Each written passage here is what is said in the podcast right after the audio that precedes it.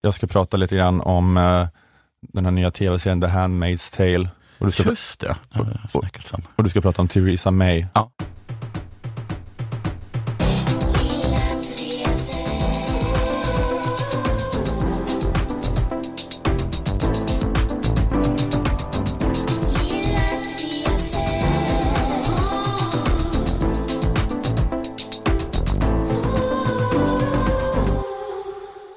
Säger välkomna till det 149 Lilla Drevet, en samtidskommenterande podcast för Aftonbladet Kultur som görs i samarbete med Akademikernas A-kassa och fackförbundet Jusek och spelas in i Malmö musikstudio.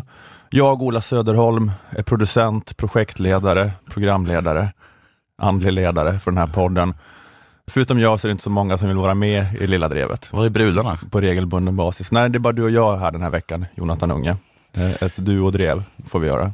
De är precis som där man brukar säga att det är omöjligt att få kvinnor att delta. Liksom. Vi har sökt efter kvinnor, men de vill liksom inte. Nej, just det. Varför har ni inte fler kvinnliga regissörer? Ja, men de vill inte göra film. Vi erbjuder dem, men de har ingen lust. Det är som att alla tjejer vi känner inte har hört talas om den här hashtag tacka ja-kampanjen. Nej, Men vi har gjort vad vi kunnat i alla fall. för att bevisa hur desperat du är efter tjejer så vet jag att Nanna hade sagt att hon nog inte kunde. Och det lilla noget fick dig att känna hopp. Två, två dygn senare skickade jag till sms och frågade ifall det här noget innebar att det fanns någon slags liten, liten Ja. Glipa i dörren. So you're telling me, so you're telling me there is a chance. Men å andra sidan, det, det vanliga antalet personer här i Lilla Drevet är ju tre. Ja. Och nästa vecka är det livepodd på Scalateatern och då är vi hela fyra personer Ja, på ja, scen. då är det så. Så man kan säga att det kvittar ut sig. Mm. Nä- Nästa vecka är avsnitt 150 också. Oj. Eh, Det, det ser ut som att det är en tanke att vi är på Scalateatern då, Mm. men det är inte det. Det var bara en slump. Men det är i alla fall, jag vet inte om vi ska göra något speciellt då. Jag fick en vision om att eh, du och jag på onsdag på Scalateaterns scen kanske kan ha premiär för vårt boyband, Ja, just det. våran pojkbandsduo. Mm. Eh, jag kom ju på ett namn på den, att vi jag tänkte att vi kan heta Business and Pleasure. Ja, snyggt. Och jag är business då, och du är pleasure. Det kanske vi hade kunnat ana att det var. tror jag alla anar det. Ja, det, det sa sig självt. Är det ändå bråk om liksom vem man vill bli ihop med? Att olika tjejgäng.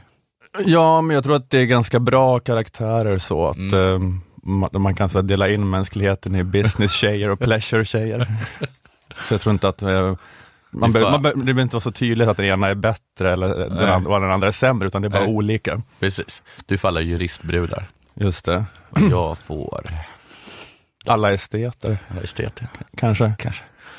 Kanske, får, kanske får jag dem. Mm. Men vi kanske kan köra det på onsdag. Ja. Vi kan göra en cover på Mange Schmidts Glassigt. Just, ja, just det. När du hör en bra låt och din partner är kåt, är det Ja. glassigt. Går den så? Mm. Gillar du att jag inte släpper ögonkontakten med dig när jag sjunger? när du hör en bra låt och din partner är kåt, är det glassigt? Vad business är creepy. Det är hela vår repertoar än så länge. Mm. En cover på Magnus, Magnus Glassigt, bara de två första textraderna också. Men är, kan du säga saker som I'm all business and my business is pleasure? Kan jag säga sådana liksom lite, kan du ta över min? Eller är det så att jag säger det och sen när jag säger pleasure kommer du in på scenen? Ja, just det. Skitsamma, vi, vi går vidare från det här. Ja. Eh, Det, det har varit årets viktigaste dag här på Möllan. Vi kan börja med att prata om Första det. maj, ja. Kanske lite grann. Mm. Mm. Man går man ur hus och marscherar längs Södra Förstadsgatan och Mm. skriker hata polisen. Mm. Det känner alla till. Eh, Men vad många tror jag inte vet är att även Socialdemokraterna demonstrerar på första maj. Mm. Eh, Och partiledaren och statsministern Stefan Löfven eh, var här och talade i Malmö Folkets Park. Han inledde med ett lite inställsamt parti där han pratade om hur fantastiskt Malmö är. Mm. Eh, Och eh, då tog han upp det här bland annat. Så här i den här staden finns en fantastisk framtidstro.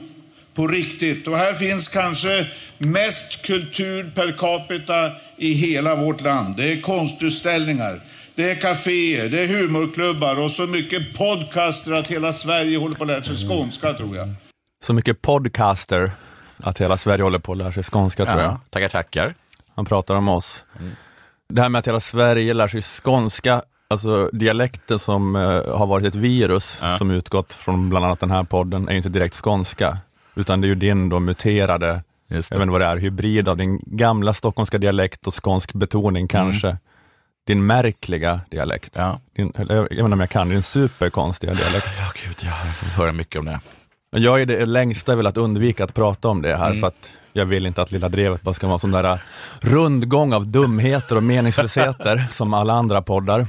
Men det har varit 70 procent av lyssnarresponsen på Lilla Drevet senaste halvåret känns det som. Mm. Att folk blivit helt vansinniga av din dialekt eller betoning eller vad det är och alla olika teorier om vad det kan vara.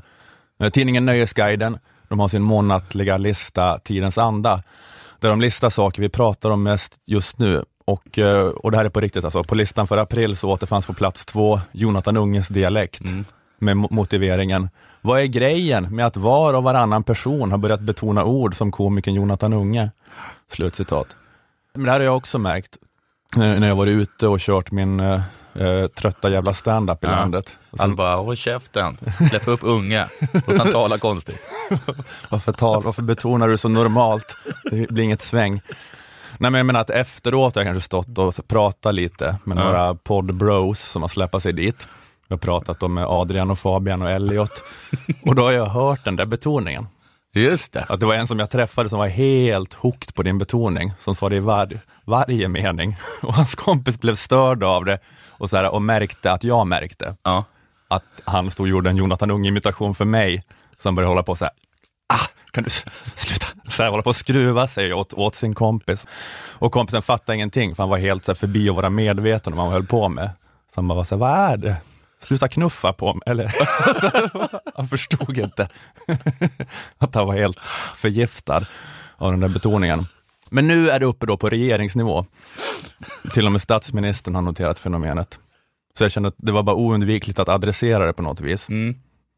Men eh, har du något, eh, du har, du har säkert sagt det i vissa andra poddar, men det är inte helt överlappande lyssning. Men vad är det, det handlar om din dotter på något sätt? Eller? Ja, precis. Jag, härmar min, jag är jag-svag och härmar min, min dotter och hon talar konstigt. Okej. Tror jag i alla fall att det är så. Och då har jag liksom börjat tala som hon gör. Men sen har jag hört att alla stockholmare i Skåne talar så här. Mm, nej, det, det kan inte stämma. Jag har också hört att det är så att jag är, att det kanske är så att jag lider av absolut gehör. Och Ah. om man är extremt musikalisk, då är det mycket lättare att man tar till sig eh, quirks. Okej, Men men har jag ju förvrängt det, ja, det har jag för rätt i. Det är ingen som talar så. nej, det finns ju ändå rätt mycket stockholmare i Skåne, så att de Ah. skulle ju ha märkt, märkt det här innan då, eller hur? Jo. Jag, det, jag, Men har du, är du så att du har absolut gehör, ifall du första gången du höll en gitarr så kunde du stämma den perfekt? Var det så? är det det som är absolut gehör? Ja, till exempel. Ja, Eller, nej, då har eller jag- att man säger, jag- ge mig ett A. Då har jag inte absolut gehör. Då har jag kanske blandat ihop absolut gehör med att vara lite korkad. Ja, okej. Men då, men då, men eh, vi, vi, vi har adresserat det nu i alla fall. Ja. Nu har vi sagt något om det. Du är också trött på det kanske, så att, Nej, men det, jag, en, min grej är bland annat att jag har alltid haft väldigt svårt för komiker som lever på att de talar lite undligt. mm. Eh, men nu är jag ju själv där. Liksom. Ja, men jag tror, jag tror inte att du lever på det. Jag tror att det, du, alltså, det, det var inte så du slog igenom. Du slog ju inte igenom med den där rösten. Nej. Du började ju med den när du redan hade din, Men kommer det din, vara så här? din hyfsat framgångsrika poddkarriär. Så Men bara började du med den plötsligt. Jag tror inte att den har liksom, det är inte det som har lyft, det är inte en sån här gimmick som har lyft dig. Nej, men det kommer vara så här. Och nu har vi supertråkiga nyheter, eller ska jag säga supertråkiga nyheter. Komikern och författaren Mm. Jonathan Unge har dött i alkoholism. Ja, okej. ja, just det. Men jag, jag tänkte att det var att du kommer, att det är en förbannelse som kommer förfölja resten av din karriär. Att Ja. nu, att jag försöker producera nytt material, Ja. går upp och försöker Ja, säga ja. det och folk bara skriker, säger supertråkigt. Sen så liksom, efter en halvtimmes bombning så går det över till supertråkigt motvilligt och spelar hem det. Helt Men så står du och hatar dig själv backstage. Men, men man måste ju ha mat på bordet. Ja, ja, men vi, vi lämnar det. Mm. Eh, det. Det är kanske din dotters fel, Mm. kanske ditt absoluta gehör, kanske att du är lite korkad. Ja, det är någon av de tre. Mm. Men jag hörde då på Stefan Löfvens tal, Ja. det är lite fint egentligen, det är något härligt svenskt med att någon som är så totalt osäsig, Mm. utan rockstjärnekvalitet, alltså kan vara statsminister. Men han är så himla gullig. Har du, Ja, sett, har, du sett, det- har du sett så fort de, de sätter på honom någonting? En väst, en hatt. alltså det, är så, det är precis som eh, att man tar vid bebisar och sätter på dem eh, eh, så här dräkter så gör att, med, med saker med öron. Så att de ser ut som små djur. Just det, det, Så är det med honom också. Just det, ja. Man bara, man bara sitter och håller tummarna för att han ska liksom besöka en gruva någonstans. Så han har på sig en säkerhetsväst och en hjälm. ja. för han har ju alltid på sig den där hjälmen. Ja. Alltså även när han på en byggarbetsplats där ingen annan har Ja, hjälm. ja. Att han bara går runt, går runt med hjälmen Men jag tror det är någon som viskar i örat på honom. Sätt på den här, det blir bedårande på nolltid. Mm. Jag ser så himla mycket fram emot eh, augusti nu, sen augusti. Då kräftskivetiden kommer igång. Okej, Kan jag tänka den liksom, enorma variation av små hattar man kan sätta på honom då. just det. Just det, Stefan. Spetsiga hattar, små hattar med skärm. Det finns ju jättemånga sådana olika hattar. Det kanske är en eh, bokidé egentligen, Ja. en bildbokidé. Precis. Stefan Löfven i hatt. Eller Ja. Na- Nanna skulle kunna ge ut ett Ja, sånt, sånt eh, album. Jag har tagit det från Nanna. Ja, gulliga hattar Mm. på Stefan Löfven. Nej men han, eh, ja men det, ja, men jag såg honom, det är något när han pratar. Alltså jag kan ju personligen verkligen uppskatta Stefan Löfven, alltså själv som en person som saknar naturlig fallenhet för public speaking men ändå valt en bana där jag håller på med det, känner jag en ömhet för Stefan Löfven. Jag menar, att, jag menar, det, jag menar, det, det är ändå något kul med hur, hur det är när han pratar, att, att det blir ofta nästan rätt när Stefan Löfven pratar. Det blir verkligen nästan rätt ofta. Eller jag vet inte ifall det bara jag, var bara jag som tyckte att det här var konstigt. Jag ska spela för dig får, får vi se. Men Ja. eh, han pratar här om att eh, han ska markera mot eh, självutnämnda sedlighetspoliser i förorter. Mm. Som säger åt kvinnor att de inte får gå på vissa kaféer och att de måste klä sig på ett visst sätt och så vidare. Så här markerar han mot det. Det här är bara en del av det förtryck som man säger handlar om heder, men för mig handlar det här om skam. Det är bara en del av det förtryck som man säger handlar om heder, men för mig handlar det om skam. Mm. Det handlar om skam. Är, det ett bra ordval? Kvinnans klädsel. Det handlar inte om heder, det handlar om skam. Ja, det, det är, att det är skam att de, att de håller på så här. Vadå? Nej? Eller, nej. Ja, det måste vara det att det är en skam att de säger åt kvinnor att Varför du, klä sig. varför, har du, varför har du en slöja på din kvinna? Ja, men det handlar om heder. Nej, det gör det inte. Det handlar om skam. Ja, och då bara, ja visst, ifall du vill uttrycka det så. det handlar om skam om man inte ja, hennes huvud är skamligt. Exakt. Det var väl inte så farligt där, men det var bara att det blev nästan rätt. Eller? Det, det, är något, det var, han är så här, vill göra en snappy one-liner, det blir inte riktigt rätt. Det är lite Jonas Indes skitgubbe i Torsk på Tallinn, att det var en som sa till mig, hur känns det att vara en skitgubbe? Så ja, det är din skit. Tyckte det var bra sagt. Att han har den, den swaggen, att nu dunka in en one-liner. Så det handlar om skam. Det handlar om Och alla var vänner som applåderade och säger nästan mitt i prick. nästan. Fan vad nära det var.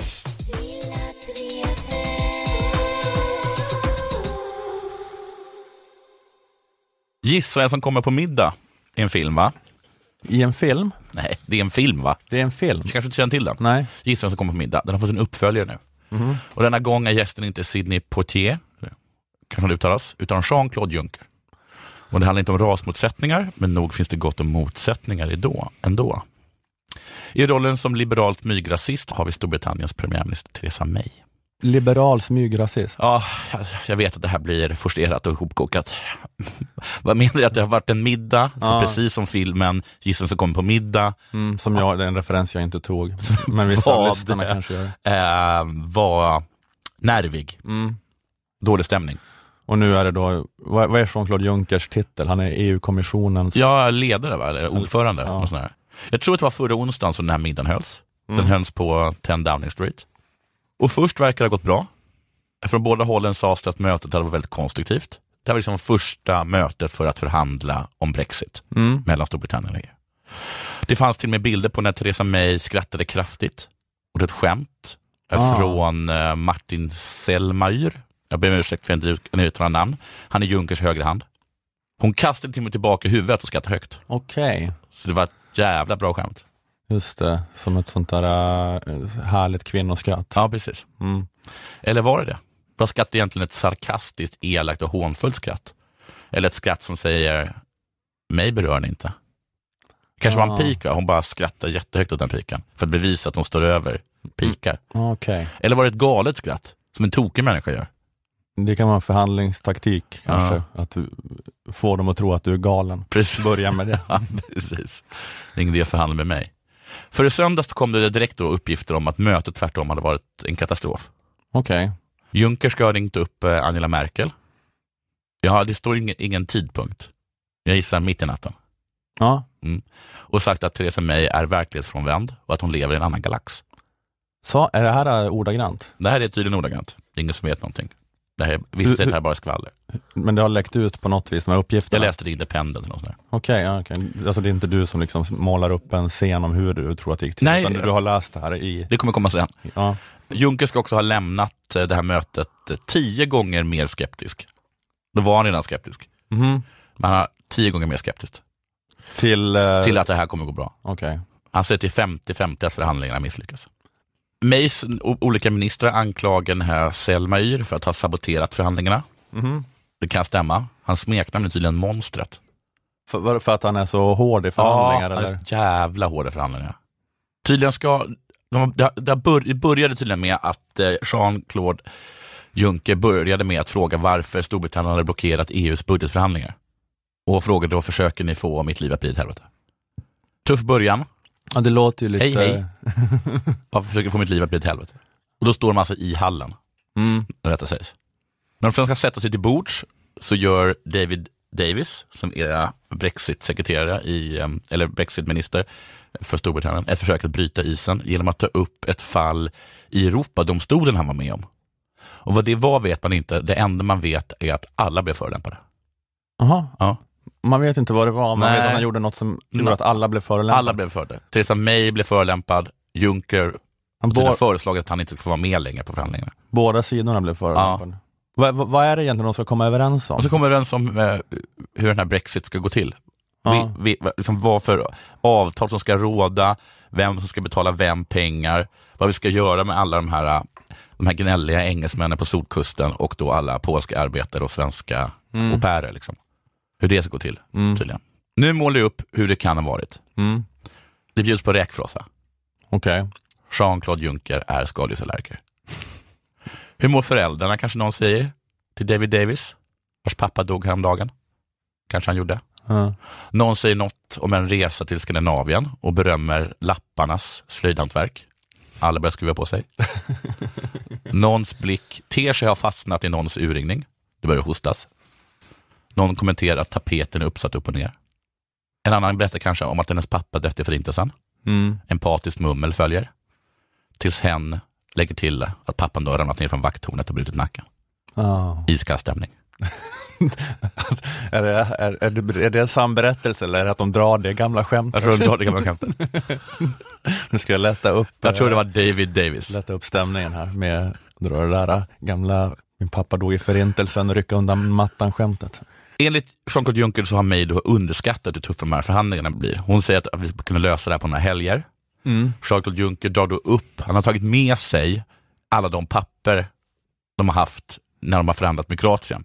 Då tar han upp alla de här papperna. Ah, okej. Kolla här vad mycket papper. Mm. Så du förstår att vi inte kan göra det här på några helger. Nej, just det. Det här kommer ta år. Mm.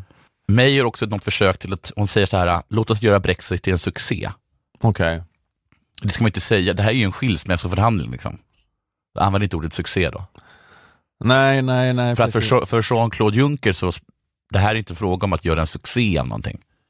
Nej, Nej. det är, eh, var inte så, äh, britterna måste försöka hålla tillbaka sitt jubel Ja. över att de äntligen får befria Ja. från det här liksom, tråkiga EU. Ja. Men ja, Jean-Claude Juncker säger att Brexit kan inte bli en succé. nej just det. Det här, för det här är i grunden någonting fruktansvärt. Under måltiden så blir Jean-Claude Juncker än mer skeptisk och det beror på att eh, May inte vill betala så mycket pengar som EU vill att de ska betala i någon sorts avgift då, utgångsavgift, utdragnings... Ja, Ska, de ska betala en avgift för att gå ut. ja, EU vill att Storbritannien ska betala 50 miljarder pund när de drar. Pengar de EU de anser att de är skyldiga eh, EU. Okej. Och motbudet är inte en penny. Mm. Det är, då, står, då står man ju väldigt långt bort från varandra. Mm, mm. Alltså 50 miljarder pund Just det. mot det. absolut ingenting. Det, Nej. går, det går knappt att mötas på hälften där. Nej, det, ja, det går det väl antar jag. Men kan man mötas på hälften om det, det ena budet är 50 miljarder pund och det andra är inget? Inte det är 25 miljarder pund. Jo, men just det där inget tycks... Nåja. Mm. Ja, det verkar som, det verkar, verkar varit som fruktansvärt dålig stämning på den här middagen. Jag undrar om det är så att det är meningen att båda gått in för att paja, för att få sig ett så bra förhandlingsläge som möjligt. Att det börjar med att, att, att ha en fruktansvärd middag, så kan det inte bli sämre. Att man eh, båda kör den så hårda, hårda stilen, att man liksom eh, eh, drar en linje i sanden så långt bort som möjligt Ja. för att ha så mycket förhandlingsmål som möjligt. Men det känns som att de här personerna inte borde förhandla med varandra. För att jag tror att det är så himla mycket känslor. De klarar inte av det här. De borde låta USA och Kina förhandla åt EU och, och, Storbritannien. Men är det att de bara är så lite, det är bara dålig personkemi eller att de är dåliga personligheter för? Juncker är väl ett sånt överhettat fyllo, eller hur? Han är väl känd för det? Att han, Ja, det visste inte jag. ja, men det har varit sådana grejer att han har stått och så här hälsat på alla liksom ministrar från alla länder och varit så här uppenbart berusad ibland. Aha. Och så här daskat alla i rumpan. Eller han har hållit på med sån här härskarteknik då man tar mycket på någon men nästan lite halvt slår någon, så här, klappar den på kinden men lite för hårt.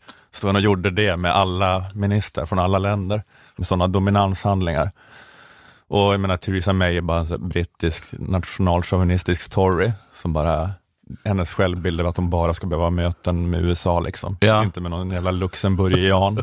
Jag tror men precis, det är, verkligen, det är också det är självklart att Storbritannien är det landet som drar det först. Men det är också verkligen det sämsta landet, för det finns ju inget land som hatar Europa så mycket som Storbritannien.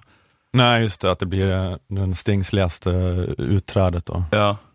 Man skulle bara behöva någon som utträdesförhandlare som inte låter sig provoceras utav britternas stil, Nej. utan bara lå- låter dem få hålla på med sin liksom, imperialistfantasi. Men jag tänker att Juncker kanske, att han också är ett överhettat ego, så att eh, det bara spårar ur då. Deras taktik verkar ju vara, tror jag, att det ska vara så jobbigt att förhandla med dem att, att man bara vill bli av med det. Man kommer gå med på allt, för man står inte ut att, att ha ytterligare en sån här middag. Liksom. Men det kan ju också bli liksom att man bara gräver ner sig ytterligare i, i, i skyttegravarna. Nästa gång kanske de ska komma till eh, Brysselparlamentet och, och så ska det vara middag där. Mm. Och så är det tillbaka kaka. Det dras skämt som, som inte faller i god jord. Om hur dumt det är inte att ha metersystemet. Nej, precis. Men här finns det också, det, här, det finns nästan ingenting att samlas. Om man tänker på andra skilsmässofilmer, vad heter den? Den här klassiska med Dustin Hoffman. Med versus, Kramer versus Kramer. Kramer. Där finns det något barn att samlas runt. Just Man det. måste ändå göra någonting för barnets bästa. Men här finns det ju inget sånt. Liksom. Det här är ju två vidriga singlar. Liksom. Skottland då? Ja, Kan det vara barnet? det skulle faktiskt kunna vara det. att vi... Skottland börjar, men det är kanske lite ha- så är det väl? ha- Skottland börjar hota med att jag kommer bo hos mamma. Liksom. alltså EU. Ja, men Skottland, för det kanske, Skottland är kanske det enda som kan få de här två parterna att inte slita strupen ur varandra. Mm. Eh, att man ska hålla på att använda eh, Skottland som slagträ på Ja. något sätt. Det är en, precis, enda chansen vi har att det här ska fixas det är att så här Skottland plötsligt slutar äta. Skottland utvecklar en ätstörning, Ja, Vä- vägrar, liksom, Ja. eh, vägrar söka hjälp förrän de har blivit sams. precis. Ryssland ringer upp och säger, har ni, har ni sett hur Skottland ser ut? Har Ryssland som sin nya pojkvän. Riktigt sånt. Provocera för att jag hatar mamma och pappa så mycket. Så är Ryssland min nya pojkvän.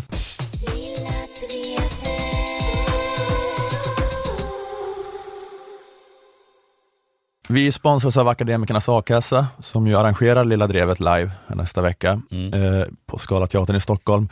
Gå med i Akademikernas, endast 100 kronor i månaden för att få a-kassa som då ger dig upp till 20 000 i månaden om du skulle befinna dig mellan jobb. Vi sponsras även av fackförbundet Jusek. Glöm inte att organisera er, alla akademiker. Eh, en viktig anledning till att gå med i Jusek är en förbättrad inkomstförsäkring. A-kassan ger då grundplåten, men de flesta som jobbar i branscher som organiseras av Jusek tjänar mer än a-kassetaket. Så det kan bli ett stort inkomstbortfall om man förlorar jobbet. Men om du är med i fackförbundet Jusek och tar del av deras inkomstförsäkring så du skyddar ända upp till 80 000 kronor. Du får 80 procent av lönen upp till 80 000. Så du klarar eh, villalånen på den, på den sjuka, sjuka bostadsmarknaden. Att vara med i Akademikernas och Jusek kostar 351 kronor sammanlagt. Är du redan Akademikernas medlem lägger du alltså bara till 251 kronor för att också få vara med i facket. Du kan även bli studentmedlem i Jusek. Det kostar bara 100 kronor som en engångssumma och så är du medlem hela studietiden. Jusek har just nu också kampanjen Vi vet, som handlar om att Jusek är ett fackförbund som är experter på några få yrkesgrupper. Eh, Jusek är då för er som är jurister, samhällsvetare, ekonomer, kommunikatörer eller för er som jobbar som personalvetare eller systemvetare. Och det kan vara en fördel jämfört med vissa av de stora fackförbunden som har massa yrkesgrupper som trängs under paraplyet, men Jusek har då bara sex. Jusek har sex, Ja. idén till en lite busig och ekivok kampanj. Just det. Jusek har bara sex. Eh, och där, Det eh, låter också, man kanske inte ska ha dem då, om det är det enda de har. De har bara sex yrkesgrupper Ja. eh, som de organiserar, så de har, där, de har koll på just dina behov. Så det är det som är vi vet. Jusek vet vad just du behöver. Så om du tillhör någon av de sex yrkesgrupperna jag nämnde kan du ansöka om medlemskap i Jusek och just nu får du också ett riktigt bra erbjudande om du går in på kampanjsidan jusek.se vi vet. Extra bra tillfälle att gå med nu. Vi säger inte vad det är, utan ni får gå in på ljusek.se vi vet och kolla. Tar du steget och går med i Akademikernas a-kassa och snedstreck eller fackförbundet Jusek får du gärna berätta om det i din ansökan. Du kan också skriva om det i sociala medier under hashtag lilla drevet.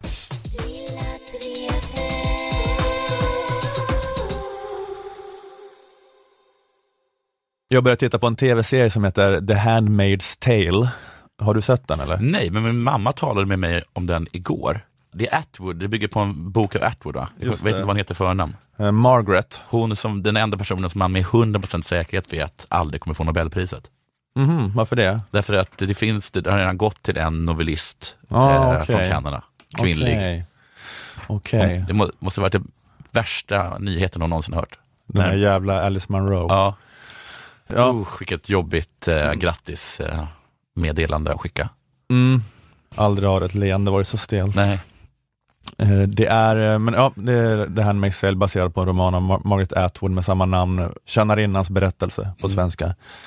Det är en dystopi. Mm. Eh, serien utspelar sig i en nära framtid där en totalitär fundamentalistisk kristen sekt styr republiken Gilead Mhm. som är då före detta USA. Mm.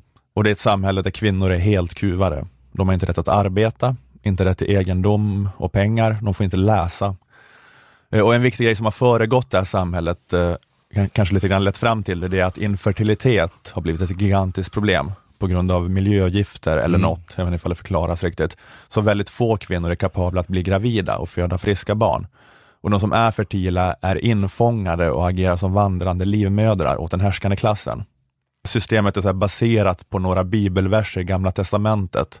Det är någon historia i Gamla Testamentet om någon kvinna som är ofruktbar, men då säger Gud åt den här kvinnan att hennes man ska ligga med hennes tjänarinna. Och sen så, men det, sen så är det ändå hennes barn. Ja, det är med Abraham. Ja, det är kanske det. Ja. Ja. Abraham och Sara. Eh, Det är några, några bibelverser som Mm. det, de har byggt då den här, det här systemet på.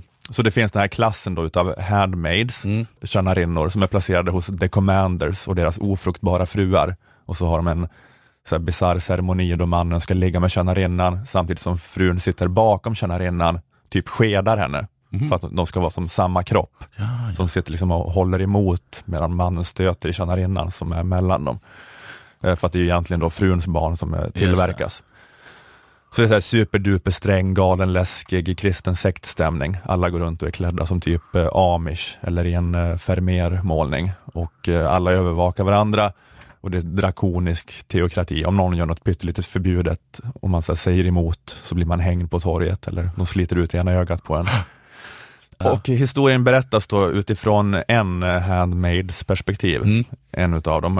Och hon var innan maktövertagandet, var hon typ en hipster urban, gick på universitetet, vad jobbade, på, det jobbade på bo. Alltså det är det som är att, det är så flashbacks till när det var 2017 då typ. Det Ja, var okej. typ nutid, hon så pratar, ja Ja. jag kollar på Tinder, Aha. sitter här på college campus, Ja. kollar på Tinder. Sen verkar det på tio minuter liksom, har, det, har det där hänt.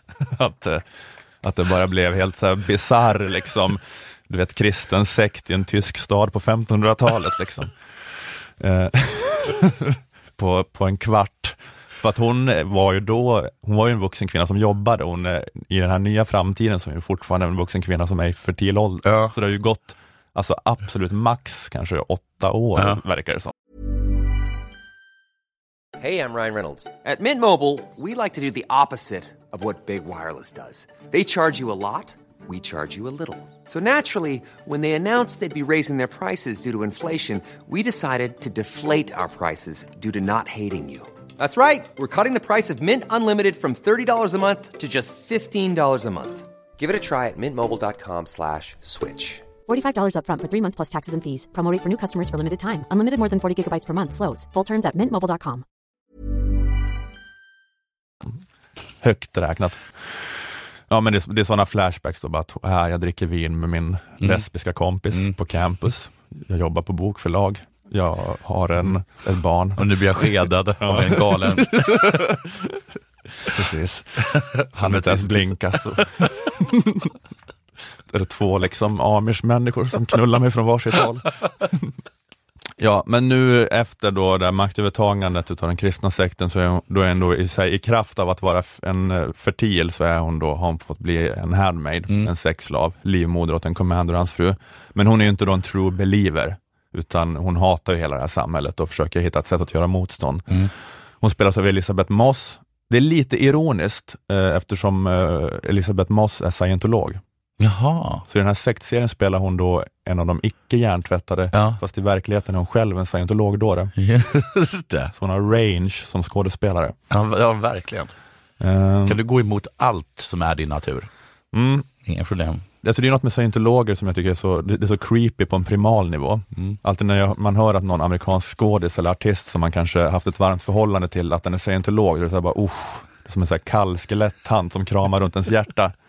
Så jag tar bara varje chans jag får att berätta det här om Elisabeth Moss. Mm. För jag vill att Peggy Olsen i, i Mad Men eh, ska förstöras för alla andra, som hon förstördes för mig. Ja, ja. Jag Ja, är hon som dra med- sekreteraren? Ja, hon är sekreteraren i Mad Men. Ja, ja. Och hon är alltså scientolog, Trå- tråkigt. Mm. Jag tyckte också väldigt bra om henne. Alla blir så himla ledsna när de hör det Ja. och jag vill, inte, jag, vill inte, jag vill inte vara ensam om det här. Och hon är så här härlig. Mm. Ja, hon är galen också. Jaha, Helt tråkigt. tokig. Du kan inte ha någon manic pixie dream girl fantasi om henne, för hon Nej. är tok, tokdåre. I alla fall, eh, den här eh, serien är väl rätt spännande att titta på. Den är lite fånigt eh, övertydlig, Mm. eh, och, men den är ganska cool. Den är så välgjord, high concept dystopi. Lite så satir eller vad man säger, över totalitära samhällen ungefär i stil med 1984. Eh, Det som stör upplevelsen av den här tv-serien är att 4000 kulturjournalister har skrivit att The Handmaid's Tale är så skrämmande aktuell nu när Trump har valts till president. I en annan tid hade det varit science fiction, men nu är det så kusligt samtida. Det är fantastiskt att man kan fånga samtiden så exakt. Det är då horder av amerikanska liberals som har skrivit den här think-piecen om Handmaid's Tale. Slate skriver till exempel att när serien först utannonserades i 2016, när de sa att den skulle komma, då trodde vi alla att Hillary Clinton skulle bli president. Och en nära förestående misogyn teokrati kändes som att det var på ett säkert avstånd, på ett safe distance. Then Donald Trump was elected president. That nice safe distance closed up in a hurry. Nu är det så Ja. i USA. Men då när är- Trump tog över. Det häng, hänger horder av avrättade människor överallt i USA, på offentliga platser, som varnande exempel för att de var bögar eller Ja. hade en annan religion, en bokstavstolkning av Gamla Testamentet. Men när kulturskribenterna slår på tvn, då vet de inte om det är nyheterna eller om det är HBO. Nej, Så, så, så himla nära är det. det är så militärer som skjuter, eller inte militär, paramilitär som tillhör en kristen sekt skjuter ihjäl demonstranter. Är det här Handmaid's Tale eller är det CNN? Alla går runt klädda i konstiga kåpor och om de säger ett förbjudet ord blir de elchockade. Kvinnor har förlorat alla politiska rättigheter. Alla invånare är inplacerade i ett kastsystem. Precis, det finns ingen skillnad mellan fiktion och verklighet här. Men också varje svensk text, jag har läst om det här. Eh, Helena Lindblad skriver i DNs recension, The Handmaid's Tale kunde inte landa bättre och vara mer aktuell med tanke på hur till exempel Trump-administrationen hetsar för att försämra bland annat aborträttigheterna. Och Rakel Schukri i Sydsvenskan, både Markus Larsson och Karolina Fjällborg i Aftonbladet, TV-dagssajten, eh, Huvudstadsbladet eh, hittade jag också, eh, finsk i och för sig, de är svenskspråkig. Men eh, de har också skrivit om det här. Men, jo, men det var att alla eh, har, har tagit upp det här exemplet med aborträttigheterna, att det första Trump gjorde när han blev president var att signera ett beslut som förbjuder federala bistånd till utländska organisationer som utför abort. Alltså alla har hängt upp sig på, på att det är beviset för att med Trump vid makten är det bara ett par år, ett halvår, en, jag vet, inte, veckor tills USA förvandlas till en bisarr teokrati modellerad efter anabaptistsekten i Münster 1534. men jag skulle komma till att det här beslutet som alla tar upp, det här om att strypa det internationella biståndet Ja. till alla kliniker som inte tar avstånd från abort. Det har varit en gång tidigare, inte det? ja, men grejen är att Trump har gjort det och Ja. det är man väl emot. Det gör att massa kvinnor kommer fara illa. Men grejen med det här biståndet är att eh, Ronald Reagan tog bort det när han var president. Och George W. Bush gjorde också det. Ja, varje demokratisk president har återinfört det, det första de gjort. Ja. Och varje republikansk har tagit bort det, första de har gjort. Ja. Det är bara så här, rullas tillbaka som en tradition Ja. när någon ny flyttar in Då har vi i Vita fyra, huset.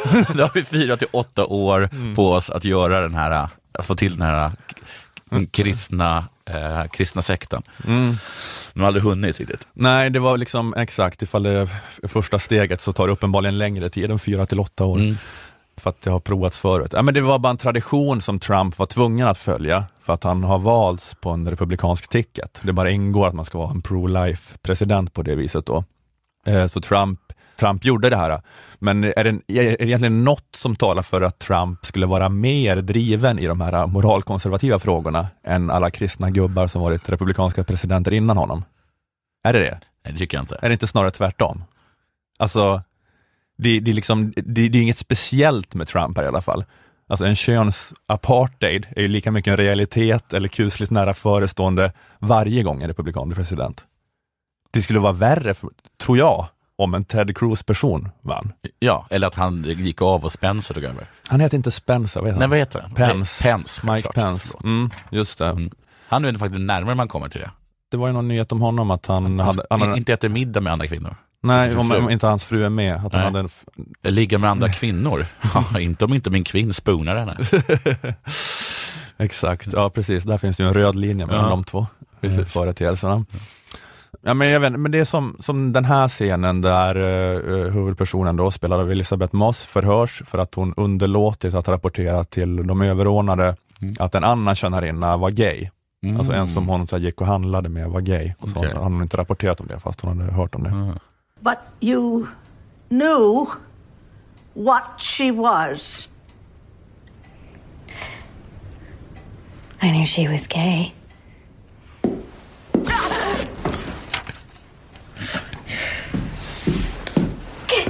That word is not to be used. Do you understand me? Yes, Aunt Lydia. That girl, that thing, was an offense to God. Och det här är alltså nyheterna. Där är nyheterna. Det går inte att inte tänka på Trump och trumpism som politisk rörelse här. Alla tänker på det. Nej, jag vet inte, men va- varför, varför tänker alla kulturjournalister så mycket på Trump av det där? Jag, eh, alltså Trump har väl varit helt ointresserad av att driva frågan egentligen om att försöka stoppa Obamas samkönade äktenskapslag Ja. eh, till exempel. Det var också någon sån här lag om skydd för att eh, hbtq-personer inte ska diskrimineras. Jag vet inte vart det var, på universitetet, något som Obama eh, införde som republikaner vill riva upp, som Trump nu för några månader sedan sa, jag orkar inte hålla på med det där. Jag kommer inte driva det. Alltså han har ju haft den inställningen Ja. mycket. Inte att han, eh, att när han blev tillfrågad av en journalist om det, att han tog upp en taser. Ja, precis. vad, sa du för, vad sa du för ord? John, John Dickinson ligger fortfarande och, skakar. Men, men sen har ju också Trump så stått och gormat om att han är för hbtq-rättigheter på sina rallys. Ja. Och det, men det är ju lite i och för sig då det här plocka poänger genom att vara emot islamsättet. Ja, att hålla det. på och skrika om det så. Men alltså grejen är så här, att, ja, men med Trump, jag tror inte att Trump bryr sig om hbtq-rättigheter. Men jag tror också, han skiter väl också fullständigt i vad som står i Bibeln om homosexualitet. Alltså, Jag tror inte han har en aning om vad som står i Bibeln. Nej. Ja, men det är bara det här hur man tänk, hur, hur, hur, alla, hur de här liberalsarna, hur de här liberalsarna tänker på Trump, att, att när det gäller att skapa ett apartheidsamhälle, Ja. alltså jag vet inte, det är väl det där med det, det här populistiska hetsandet mot muslimer, det är kanske det som är närmast, där, det- där det är närmast att finnas fog för oron med det här inreseförbud och så vidare. Men man, man märker ju också där att han befinner sig liksom i ett system med maktdelning och helt annan demokratisk tradition än Tyskland på 30-talet och Ryssland idag. Att det är så här svårt för honom att alltså, genomdriva knäppa grejer och att han inte har det ideologiska drivet i sin xenofobi. Nej, precis, att om det inte funkar så kan han tänka sig att släppa det. Ja, alltså jag tror det handlar bara mycket om populism, att han gillar att få applåder av xenofober på rallys, snarare än att han själv är en sån så här galet ideologiskt på det där äh, skriva Mein Kampf-sättet, xenofob. det är, det, är, det är ändå en farlig lek med elden att hålla på och spela på antimuslimska strömningar på det viset ändå. Alltså det är ju, jag säger inte att det inte är, är någonting, men ändå, man får ju inte den känslan av Trump, eller hur? Här som du sa. precis, men det är inte så att, eh, att det är så att kulturjournalisterna tänker väldigt mycket på Trump. Mm. Så allt som sänds från, eh, eh, från vad heter det, Lilla Sportspegeln till, eh, till då den senaste HBO-serien ses på med, eh, med Trump-glasögon. Den lilla flickan som skulle kasta, man kanske inte gör det i Lilla Sportspegeln längre, man måste kasta bollar för att få en ryggsäck. Mm. Ett statement eller, eller ett tecken i tiden eller något sånt. Ja exakt, men här är det bara sån jävla massiv konsensus om att det här är den stora Trump-eran, tv-serien. Och sanningen ska ju sägas att Margaret Atwood verkar ju tro det själv också. Ja, Men jag... eh, men då, då har de ju rätt ju. Ja, men nej, de har fel och Margaret Atwood har fel. Okej. ja, men de har rätt i att det är, det här är ett statement mot honom. Det är bara att det är helt eh, bisarrt statement. Ja, men Ja. Jag, men, jag, men, men, men jag menar att de har fel i tolkningen utav Trump. Ja. Att det är det Ja. som är. Ja. Ja. men jag, jag vet att liksom en dystopi ska ju inte tolkas bokstavligt. Att eh, kulturjournalisterna när de skriver att det är kusligt aktuellt, Ja. så tror ju inte heller de Nej. att det inom tio minuter kommer bli exakt som i Handmaid's Tale, med Men- offentliga hängningar av homosexuella. Men Atwood måste ju uppenbarligen tro det. Eftersom det sker så i hennes bok. Nej, men jag tror inte, hon behöver inte tro det heller, utan Nej, det, det så det, det är fånigt utav mig att så här, hålla på och bokstavstolka Ja. den här tv-serien och Ja. säga, haha, så här är det ju inte nu att de hänger homosexuella i USA, så det har ingen relevans. Men, men man kan ju tycka att det är kusligt aktuellt ändå, som en överdriven skräckbild av utvecklingen i USA. Okej. Men då skulle jag säga att The Handmaid's Tale säger absolut ingenting Mm. om Trumps USA och trumpismen. Det är noll och intet den säger. Ja. Det är liksom, det, eh, som, så här, det inte, funkar inte som överdriven karikatyr heller. Alltså ska man göra en dystopi om vilket slags skräcksamhälle trumpismen skulle kunna barka mot, då skulle det vara en helt annan slags Precis. dystopi och överdriven karikatyr. Det är som där 50 miljarder pund och inte en penny. De säger 50 miljarder pund och, då, och så säger du det är inte en penny och så säger de nej, nej, nej, det, man tolkar ju, det kanske är 25 miljarder pund. Och då bara, nej, alltså det här är inte en penny. är det så? Ser du hur jag får ihop det? Ja, ja det är bra. Nej men det, jag menar att Handmaid's Tale, att det, det är mera, och när man ser det så tänker det är ju mer att man tänker på kanske talibanernas Afghanistan, eller att här, leva i ett IS-ockuperat område. Precis, inte en penny. Och, och jag menar att det, nej, det är inte en penny, det är inte det, är inte det på något sätt. Nej. Det är inte det på något sätt, det har inte ett skit med Trump att göra, det som sker i Handmaid's Tale. Men det är så konstigt tycker jag med alla liberaler att det är som att verkligheten inte räcker till för dem när det gäller, Trump. Jag fattar inte det här behovet av att, att hetsa upp sig över fantasier om vem han är. Så här, att han ska ta våra barn ifrån oss och ge dem till härskarklassen i den kristna teokratin han tänker skapa. Han ska ta våra barn. Alltså när gråterskorna på DN Kultur skriver om Trump, alltså då, har det, då har det tidigare varit kanske att hålla på och koppla ihop honom med Hitler i Tyskland och nu är det då någon slags kalvinistisk sektledare fantasi man håller på med. Men jag, varför räcker det inte med, räcker det inte med att han är Berlusconi? Ja, det är hemskt nog. Ja, jag tycker bara att det är märkligt att det här att vilja göra honom till en ideologiskt driven apartheidfascist. Han är Berlusconi och det är hemskt nog som du säger, att, för det är mycket värre för han är inte ledare för något medelhavsland på dekis, utan han är en ledare för hela världsimperiet. Han är en impulsiv, emotionellt skadad mansbebis som inte har någon annan drivkraft än sin egen narcissism. Och, det- alltså det räcker, ja, men, och han hatar kvinnor så här, på, på ett vis att han är ett gammalt svin, eller hur? Som gillar locker room talk. Ja. Men jag tror ju att eh, alltså det sättet en driven kristen konservativ som Ted Cruz älskar och respekterar kvinnor, det skulle kunna vara värre för kvinnors rättigheter. Ja, det är mycket mer mönster än vad Ja. Trump är. Det skulle vara värre för kvinnors rättigheter än det sättet Donald Trump inte respekterar kvinnor på, på att så här, hockeykille svinsätt. Men det är så här, varför räcker det inte? Han är klimatförnekare, han är helt i händerna på storföretagen, han har utsett Exxons VD till utrikesminister. Räcker inte det? Gråterskorna på DN Kultur, de blir sexuellt upphetsade av att gå upp i någon martyrroll så här, om, om hur extra hemskt allting är. Att vi bekämpar Katla, han är nazist, fascist, teokrat och han ska ta våra barn och införa Nürnberglagar. Alltså räcker det inte med Trump som han är? Hur fruktansvärt det bara är i sig själv. Vilken jävla katastrof det är. Alltså han är en jävla lallare. Han är potentiellt livsfarlig för världen i sin okunskap och hur korrumperad han är och hur han är, har en så här populistisk tro på enkla lösningar. Men jag vet inte, det, men jag känner så här lite att när alla i liksom det liberala etablissemanget skriver som att det är underförstått att Trump är en ideologiskt driven apartheidfascist. Alltså det är, jag tycker det är en sån här, äh, en sån här grej då man fattar lite det här hatet mot mainstream media Ja. och varför det har växt fram en parallell offentlighet. Att ni bara skriver något som ingen ser, som att det är en sanning. Alltså ing, ingen ser det här ni säger. Ingen ser det. Kan ni inte nöja er med den katastrofen som är? Vi är mottagliga för Trump, såg ni här. Varför ska ni hetsa upp er? Mm. De gör sig till fake news på det sättet. Det är precis det där som jag tagit upp, att jag, att jag blir antisemit när jag lyssnar på Slate Politic, nej, Culture äh.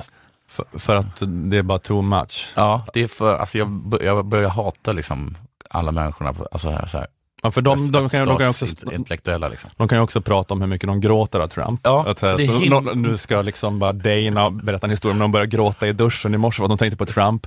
Och man blir så irriterad på det där så att man nästan är så redo att vara pro-Trump bara för att man bara här, man står inte ut med de liberala gråterskorna.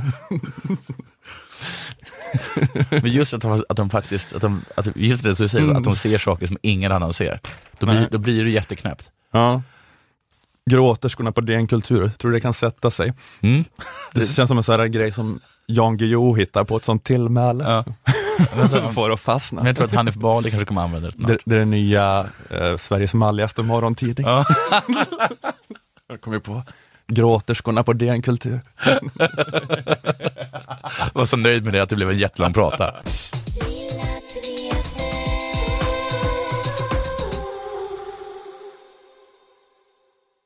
Jag var och åt en, eh, jag tror mozzarella sandwich på en it- italiensk krog som ligger i Malmö centralstation.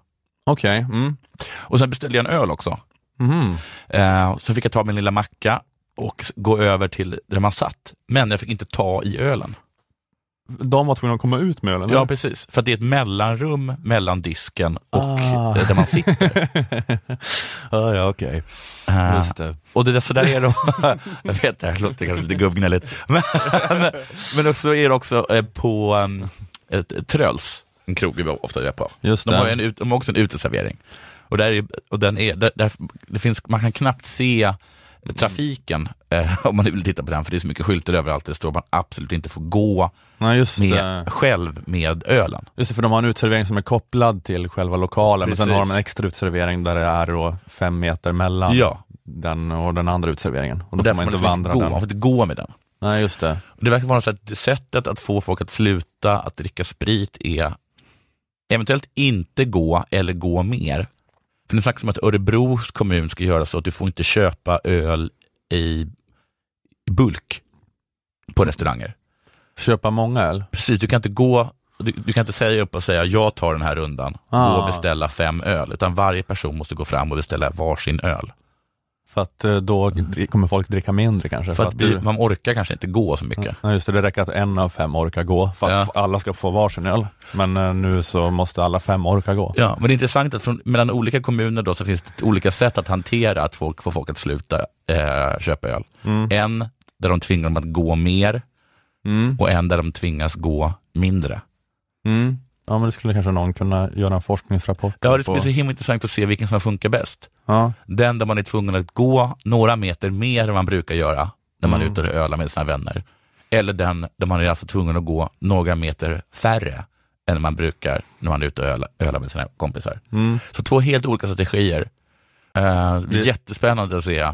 Just det. Det här kan man verkligen forska i. Det är som ett experiment, precis. Det är som att Finland håller på med det här experimentet nu med basinkomst. Just Men det. vi i Sverige är igång vi också Ja, med att, med att ha de här, gå med öl eller inte gå med öl. Vad kommer påverka konsumtionen? ja. Ja men det är jävla kul att man kommer till Malmö, Malmö C och sen så händer det där, det är verkligen så här att nu är du på den här sidan om sundet, riktigt klassisk sån, nu är du på den här sidan om sundet, upplevelse. Du får inte gå de här två metrarna. För att där det inte är restaurangområde med ölen. Och nu så finns också liksom den, den här liksom kulturskillnaden, kulturchocken då, som man kommer drabbas av. Inte bara då mellan Sverige och Danmark utan också mellan städerna Malmö och, och, Örebro. Mm. Just Den det. här konstiga känslan av att gå lite fler meter Eller då känslan av att gå lite färre meter. Men hur, att de följer det här då? Alltså du, du var på det här mozzarella-stället och fick en macka Ja. och sen så skulle du gå till uteserveringen med mackan och ölen. Det är inte ens en uteservering, liksom. det, är bara, det är bara att de har liksom, det, det finns ett litet ö, separat område där man sitter. Ja, det, är det, det- är den där typ Ja, saluhallsgrejen precis. där. Ja, just det. Ja, just det. Som det är ett vitt stånd man går och köper macka och Ja, öl och sen så går man till ett uh, sittområde. Ja. Och då får du inte du bära ölen Nej. mellan ståndet och sittområdet. Precis. Och så, eh, jag är imponerad över, eh, jag kan bara tänka mig att den här regeln i så väldigt många länder Mm. hade skitits i. Ja, men för jag tror att jag, eh, jag är väl rätt så svensk, brukar folk Ja. säga till mig. Ja. Men jag tror att jag hade skitit i den ifall jag hade varit en 20-åring som jobbat där. Alltså jag, Ja. jag har svårt att identifiera mig med att, att det där kan upprätthållas. Men det, det, det, funkar i alla fall på den här italienska, funkar jättebra. Ja. Varenda gång jag försökt bära den så har jag blivit stoppad av Mm. två italienare som jag då tror kanske är från Jugoslavien. Mm. Och sagt att rör den där ölen. Då blir vi Då av med tillståndet. Så blir vi av med tillståndet. men, Jag, jag, säger, men, jag kan bara tänka mig att även jag kan tänka mig att, liksom att jag, jag säger saker som Bryssel, säger eller Belgien, Mm. även där tror jag att väldigt få skulle upprätthålla den regeln. ja, ja, ja. Det säger faktiskt något eh, sjukt eller något om hur vad starkt det svenska samhällskontraktet är. Eller, Ja, det eller vilken jävla lojalitet Ja. folk har. Att de, att de så här, blir informerade om att så här är, så här är det och så bara Ja. följer de det. Bara, För det är, Jagar det är, på folk. riktigt, det är på riktigt två meter från det ena stället till det andra. mm. Och de kommer inte ut då och då skulle man kanske ha löst det så att vi bara går ut med både mackan och ölen, går sätter så kommer vi ut med alltihop. Faktiskt för att det ska kännas mindre dumt. Ja, Men, men- då, så här, att du, då får du ändå bära ut mackan själv. Ja, det, Sen kommer de då med de som har ett specialtillstånd för att bära ölen två meter får göra det. Ja, hur fan kan det efterlevas? Ja. Hur fan är det möjligt? Du, och varför bara tog jag inte den ölen demonstrativt och gick, skrek någonting när jag var på, på andra sidan. Gick världen under? nej, just det. Har himlen ramlat ner? Varför fick du inte Ian Wachtmeister på dem? Ja. Men, nej, men med att det kanske att det säger något läskigt om vad vi är kapabla till. Om vi är Och också- kapabla till att, upp, att följa en sån här lag. Också hur snabbt det går. Man brukar, man brukar säga det här som att eh, svenskheten är svår att ta till sig för att allting är så oskrivet. Det är sådana oskrivna regler. Liksom. Vi, vi har tagit upp det liksom, om att liksom det, här, det är inte nationaldagen som är vår nationaldag. Och det vet alla svenskar. Och det är outtalat då att det är midsommarafton. Ja. Säger vi att det är så. Så, så därför är det bara invandrare som är ute på gatan och viftar med svenska flaggor på nationaldagen. eller, Det är eller nassar. så. Liksom. Ja. Ja, det är bara nassarna faktiskt. och invandrarna. Ja, alla Och så andra. liksom invandrare ska visa god vilja liksom och möts de av nazister. Det är, liksom, det, är, det är liksom den farligaste dagen på året. För, de, en- den, en- den enda de möter på stadens gator är Nassar. Och då så ser och Nassar då som möter det mest provocerade de vet, invandrare med svenska flaggor. Precis. Fullständigt livsfarlig dag. Det är konstigt att inte fler saker har hänt. Som jag tror då att det kommer en jugoslav, kanske från kriget. Tio år senare har den personen öppnat en italiensk butik i, i en stor svensk stad. Ja. Och på de tio åren, det kanske, då kanske, då kanske um, ä, ä, jag vet inte, Axwood, Atwood har rätt. Det kanske kan gå sådär snabbt. Ja, ja. Att man blir så hjärntvättad av en Ja. totalitär ideologi. Ja. och sosse-Sverige i det här fallet. Ja, att den här nysvensken då, den kan, det, går inte hur mycket den vill, att låta mig bära ölen. De två meterna. Nej. Vilket jävla fascistland. Mm. Jag tänker också att det, det kan ju inte vara övervakat det här. Det Nej. måste vara stickprov då. Nej. Hela tiden har de den här känslan att få K, att man övervakar sig själv. Liksom. Just Så det. man vet inte om man övervakar. Mm. Ja, de kanske har något slags angiverisystem där, för det är massa stånd med mat Ja, från så olika det liksom, det är. matkulturer. Så att liksom gre- grekståndet, eh, Precis som Ja, det, det här står med och dens tittar, tale. ja. Det här med, ja det är verkligen så att Ja. eh, man vet inte vilka som är en, eye, som man Nej. säger i Handmaid's Tale. Ja. Att eh, man vet att vissa kanske liksom är på Säpos Ja. lönelista som jobbar i de där stånden. Och vissa, säger- vissa är, liksom är vanliga civila som eh, är emot regimen, men man vet inte vilka som är vilka. jag tittar den här killen på andra sidan disken och säger, men det är inte helt sjukt att jag inte, ska jag inte bara ta den här ölen två meter? Mm. Och så säger han jakande. Mm. Och då springer någon från eh, eh, vad heter det, smörrebrödståndet över och tasar honom. Eller att du ser ut så himla mycket som en civilsnut. De har varit med, de har varit med om det där flera gånger, att det är någon som är där och, och, och testar. Säger så här, vill du bära över ölen? Ja. Äh, men då vill jag och fråga om du är intresserad av att köpa lite tjack av mig. och gör jag det då? För det får inte civilsnuttar göra, ja, säger vi. Mm. Då får jag bära över ölen. Mm. Du får bära över öl om du köper 10 gram tjack.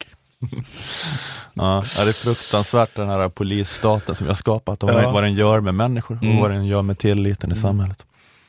Är det också så att om, om de ser någon bära över sin öl så blir de av med tillståndet? Är det också så hårt? Ja, det måste väl vara en varning först. Va? Ja. Det, jag kan inte tänka mig att det, det, kan inte vara, det kan inte vara one strike and you're out. Man, det måste ha burits ganska mycket öl tror jag, innan. Stagnetstal. Jag undrar om de kan göra det överhuvudtaget. Ingen har varit full, det har inte varit något stök. Det har liksom bara varit så här resenärer som tar en öl. Men det har varit ett jävla bärande för att varit av öl. Det har inte, nej, det har inte varit något stök, det har inte varit något bråk, men fan vad det har burits öl där. Fullständigt kaos har det varit. Två meter hit och två meter dit. Jävla springande med öl. men du hade det här med uteserveringarna i Malmö, kommer du ihåg den? Ja, just det. Jag kommer inte exakt vad det var, men du tog upp det här hur svårt det måste varit att förklara de reglerna. Mm. Mm. Och den här regeln måste ha varit, att de måste ha varit tvungna att förklara den liksom i, i timmar för väldigt många människor. För att mm. den är så himla absurd. Det finns, det finns någon grej när, när, när, nu kommer jag berätta Simpsons skämt, men när mm. Simpson måste gå under jorden för, de, för att Bart ska bli mördad av Sideshow Bob. Mm. Och då flyttar de, då ska de flytta annan, till en annan, annan stad och då är det som att FBI där och för, ska då förklara för Homer att de inte längre heter Simpsons, mm. utan de heter något annat. Ja, just det. Så, så, så är man så här, when I say uh, hello, what's your name? Then you reply My name is Homer Simpson. No, no. Och så mm. slut bara så, när jag stampar dig på foten mm. och frågar vad det heter. Alltså det går inte, det går inte in liksom. Nej. Och så måste det vara med den här regeln också. Får de gå en meter med öl? Ja. Det får de väl? Nej men, vi sa ju precis att, att de inte fick det. Ja, för det är väl en del av SFI-kursen, man får lära sig lite grann om svenska kulturella egenheter. Ja. Så det här är förmodligen 90 procent utav den, den lektionstiden, att försöka det. banka in den här, man ja. får inte gå med öl Nej. två meter okay. mellan två mm. serveringstillståndsområden. Okej, okay, nu har vi kommit överens, nu vet ni om det här, nu har vi tagit upp det här med att det är helt okej okay att killar blir ihop med killar, men nu blir det lite svårare. Okej, lyssna nu. Det här är tufft för många. Mm. Glöm det där med bögsex, nu går vi upp en nivå. Ja, de kanske måste jobba med tasers då också. Ja. Nu har vi så här att vi har ett problem med att folk ofta ställer frågan varför under den här lektionen. så därför, det blir, man får en liten kyss varje gång man säger varför. För vi har, vi har märkt att det är svårt att ta sig igenom den här lektionen annars.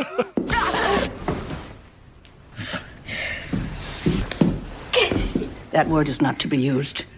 Do you understand me? Det där är SFI-undervisningen i framtiden. Det är det enda sättet det kommer gå in.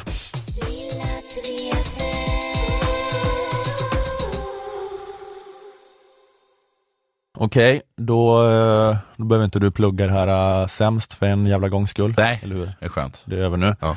Vi säger tack till Aftonbladet Kultur, Akademikernas A-kassa, Fackförbundet Jusek, tack till Malmö musikstudio. Tack eh, Jonathan Unge. Tack Ola. Vi hörs igen om en vecka. Hej då! Ja, hej.